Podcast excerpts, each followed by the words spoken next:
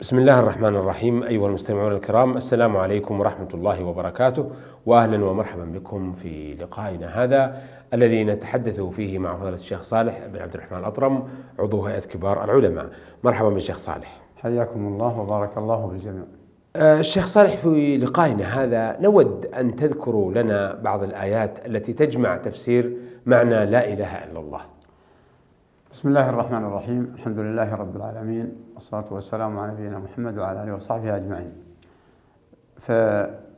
فالحقيقة أن هذا السؤال جامع أمورا كثيرة وهو في الحقيقة سؤال أعتبره مهم جدا.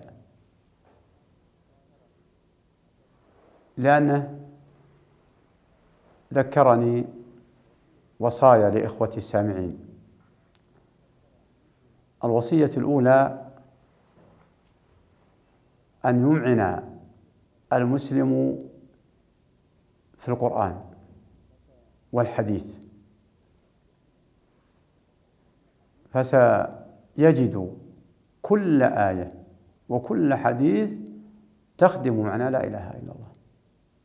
ولا بد لا يمكن أن يجد آية أو حديث خاليا من خدمة معنى لا إله إلا الله. إما أن تكون الآية أمرت بالتوحيد ونهت عن الشرك معا. نعم. أو أمرت بالتوحيد أو نهت عن الشرك أو أمرت بأوامر وأفعال أو نهت عن محرمات ومكروهات. فكلها تخدم. كلها تدخل تحت لا إله إلا الله. وذلك أنك إذا قلت لا إله إلا الله اعرف ما معنى إله. الإله المألوه المحبوب المرغوب في جانبه. المرغوب في جانبه. هذا معنى معنى الإله. فمن فمن الذي تتكامل فيه القدرة والقوة على خيري الدنيا والآخرة وعلى دفع المضار؟ إلا الله. فهل فهل يوجد معنى إله بهذا المعنى في غير الله؟ لا يوجد ولا يمكن أن يستطيع لأن كل الكون خلق لله. فإذا كان الكون خلق لله فهل يليق هل يليق عند سليم العقل بأن يتأله إلى المخلوق ويترك الخالق. ويترك الخالق. لا يمكن هذا. لا إله إلا الله. فلو أمعن النظر الإنسان في جميع ما يعمله لوجده إن كان لوجده داخل تحت المعنى لا إله إلا الله. إما إيجاب إما إيجاب أو سلب. فإن كان تاركا للمحرم فإنه يعتقد بأنه لا مألوه غير الله بمعنى أن من أطاع أحد فقد أله وحبه. فإذا عمل المحرم من أجله فقد أله إذا تلزمك أنه لأنك لا تأله إلا الله. إذا اترك المحرم. آه، تفعل أمر تتقرب به وترجو ثوابه. من يملك ذلك؟ إلا الله. إذا لا يصلح أن تتأله لأي مخلوق بأن يعطيك الثواب ويكفل لك الأجر. أما من حيث الآيات ففي آيات كثيرة. نعم. لكن مثل ما أشرت إليه. لو تتبعت القرآن ما يفوت كلمة من القرآن إلا وفي هذا المعنى. لكن فيها آيات عامة توضح هذا المعنى. ولهذا قال إمام الدعوة إلى توحيد إلى الدعوة إلى توحيد العبادة وتحقيقه باب تفسير التوحيد وشهادة أن لا إله إلا الله. فالأمر هذا مهم. ثم جاء بآيات عامة ثم أشار بأن كل كل الموضوعات الآتية تفسر لا إله إلا الله. وقد جاء بعد هذا الباب بستين نقطة. تفسر معنى لا إله إلا الله وتوضح معناها لكن أعطانا جمع لنا أربع آيات. أربع آيات على وجه العموم. نعم. على وجه العموم. ثم قال بعد ذلك ذكر الأمور اللي بعدها كلها تنافي لا إله إلا الله أو تنافي كماله. ليش؟ لماذا ذكرت ما ينافي لا إله إلا الله أو ينافي كماله ربما تسأل وتقول لما لم يذكر ما أوجب الله. نعم.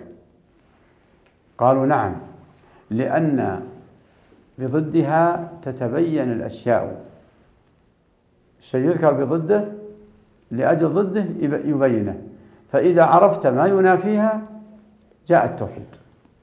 إذا جهلت ما ينافيها فلربما تأتي بزعمك أنك موحد وقد ارتكبت ما ينافيها. وسيأتي في الدروس الآتية إن شاء الله تعالى التنبيه على كثير ما ينافيها. نعم إن شاء الله. إن شاء الله تعالى بإذن الله.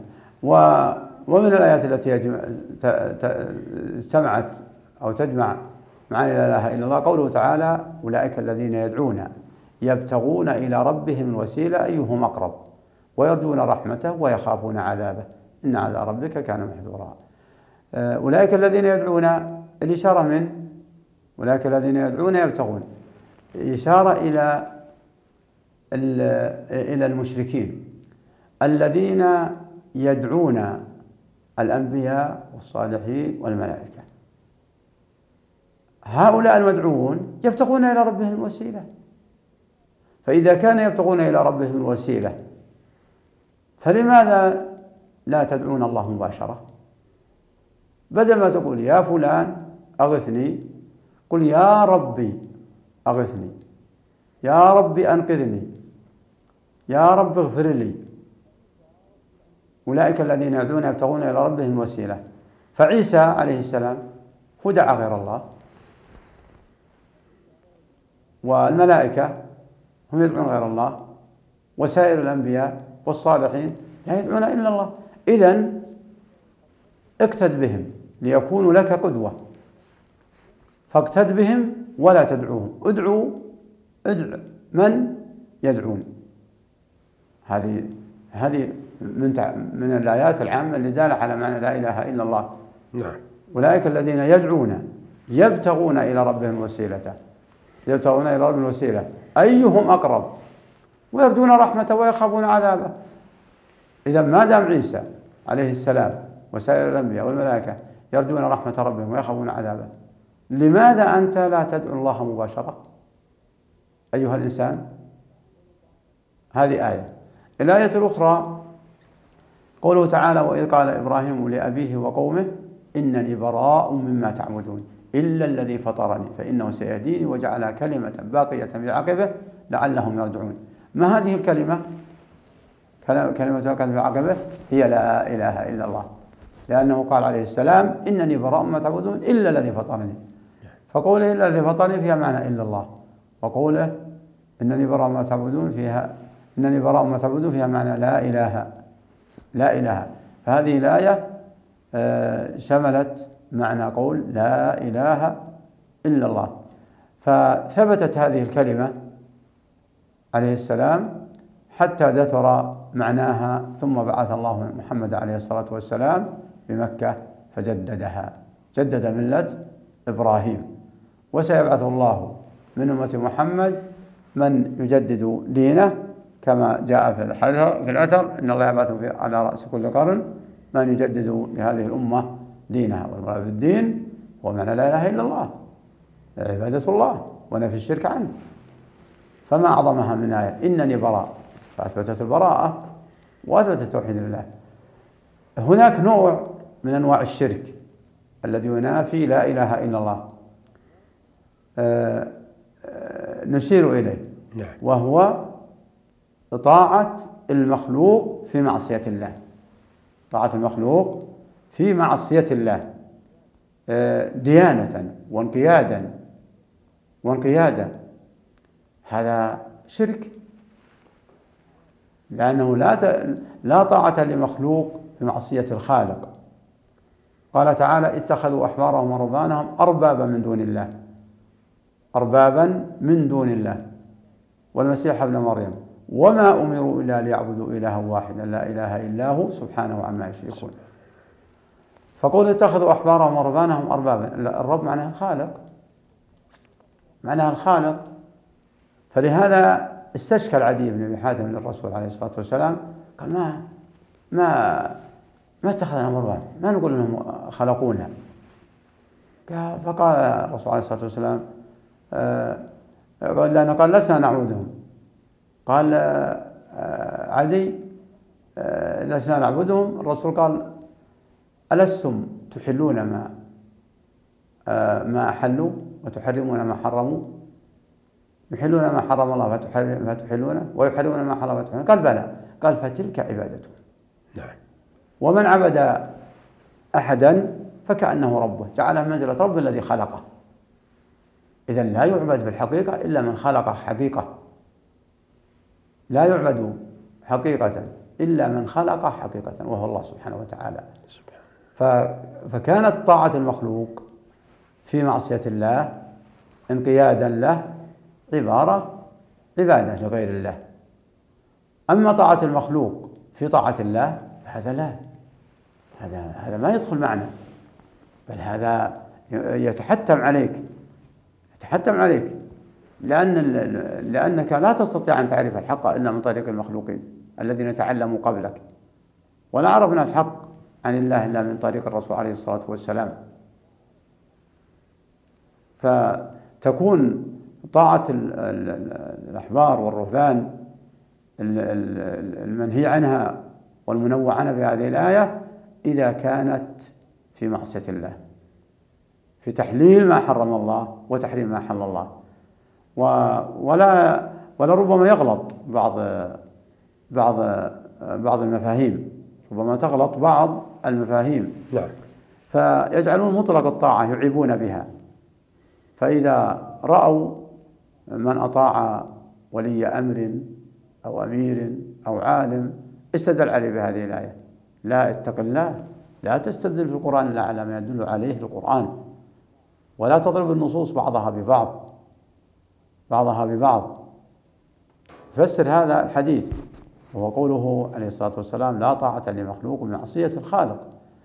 فطاعتك لوالدك ولأمك ولعالمك ولشيخك ولأميرك ولرئيسك ولمديرك في درب مشروع هو طاعة لله لأن الله أمرك. ومن قال ذلك فقد ضرب النصوص بعضها ببعض. والله قال يا أيها الذين آمنوا اطيعوا الله وأطيعوا الرسول وأولي الأمر منكم. فإذا أمرك بمعصية قال افعل هذه المعصية حينئذ. ولا لا أريد أن أفعل المعصية. لا أفعلها. فهذا ينافي معنى لا إله إلا الله. إذا أطعت بانقياد ورغبة واتباع آه، هؤلاء فيما حرم الله في تحريم ما حرم الله وتحريم ما حرم الله. ينافي لا إله إلا الله. في معنى عام وهو خطر. هذا خطر خطر عظيم وهي المحبة. المحبة. من أحب مخلوقا. كمحبته لله أو أرجح من محبة الله فهذا معنى عام ينافي لا إله إلا الله وينافي معناها. ولهذا عاب الله على الكفار بقوله ومن الناس من يتخذ من دون الله أندادا يحبونهم كحب الله. فدلت هذه الآية على أن الإنسان ليس بالضروري أن يفقد حبه لله بل إذا أحب الله وأحب معه غيره بأن ساواه في محبته ورغبته أو أنه آثره عليه على الله بأن أطاعه في المعصية رغبة واتباعا. فقد اتخذه إله حتى ولو أحب الله. فالله لم ينفي محبته من المشركين بل الوثنيون الذين قاتلهم الرسول عليه الصلاة والسلام يحبون الله. لكن يحبون الأنداد معه يحبون أصنامهم معه. يحبون من يتوسلون بهم مع الله كمحبتهم لله. فلهذا لم تنفعهم لا, لا إله إلا الله. لم يحققوا معناها نعم. ومن الناس من يتخذ من دون الله أندادا يحبونهم كحب الله. وعلامة حب الله بأن تؤثر تؤثر محابه على محابك وألا تطيع مخلوقا في معصيته. لا تنقاد لمخلوق في معصية الله. هذه على علامة محبة الله. وأن تمتثل أوامره. تمتثل أوامره. ومن العلامات المحبة أن يحملك حب أمك حب أمك أو أبيك أو زوجك. أو ابنك على ترك أوامر الله. فهذا أيضا ينافي معنى لا إله إلا الله. إذا حملك هذا وآثرتهم على آه، أمر الله. نعم. قال تعالى قل إن, قل إن كان آباؤكم وأبناؤكم وإخوانكم وأزواجكم وعشيرتكم وأموال اقترفتموها وتجارة تخشون كسادا ومساكن ترضونها أحب إليكم من الله ورسوله وجهاد في سبيله فتربصوا. حتى يأتي الله بأمره والله لا يهدي القوم الفاسقين. هذا وعد شديد. وعيد شديد. فليتق الله المسلم وليتحرى معنى لا إله إلا الله وليعمل به وليحذر ما ينافيها. وسيأتي إن شاء الله تعالى في الحلقات الآتية بعض التنبيهات بعض التنبيهات على بعض الجزئيات التي تنافي لا إله إلا الله أو تنافي كمالها. نعم. شكرا أثابكم الله. بهذا نأتي أيها الأخوة إلى نهاية لقائنا هذا الذي تحدثنا فيه مع فضيلة الشيخ صالح بن عبد الرحمن الأطرم عضو هيئة كبار العلماء. شكرا لفضيلته وشكرا لكم أيها الأخوة وإلى أن نلتقي بحضراتكم نستودعكم الله والسلام عليكم ورحمة الله وبركاته.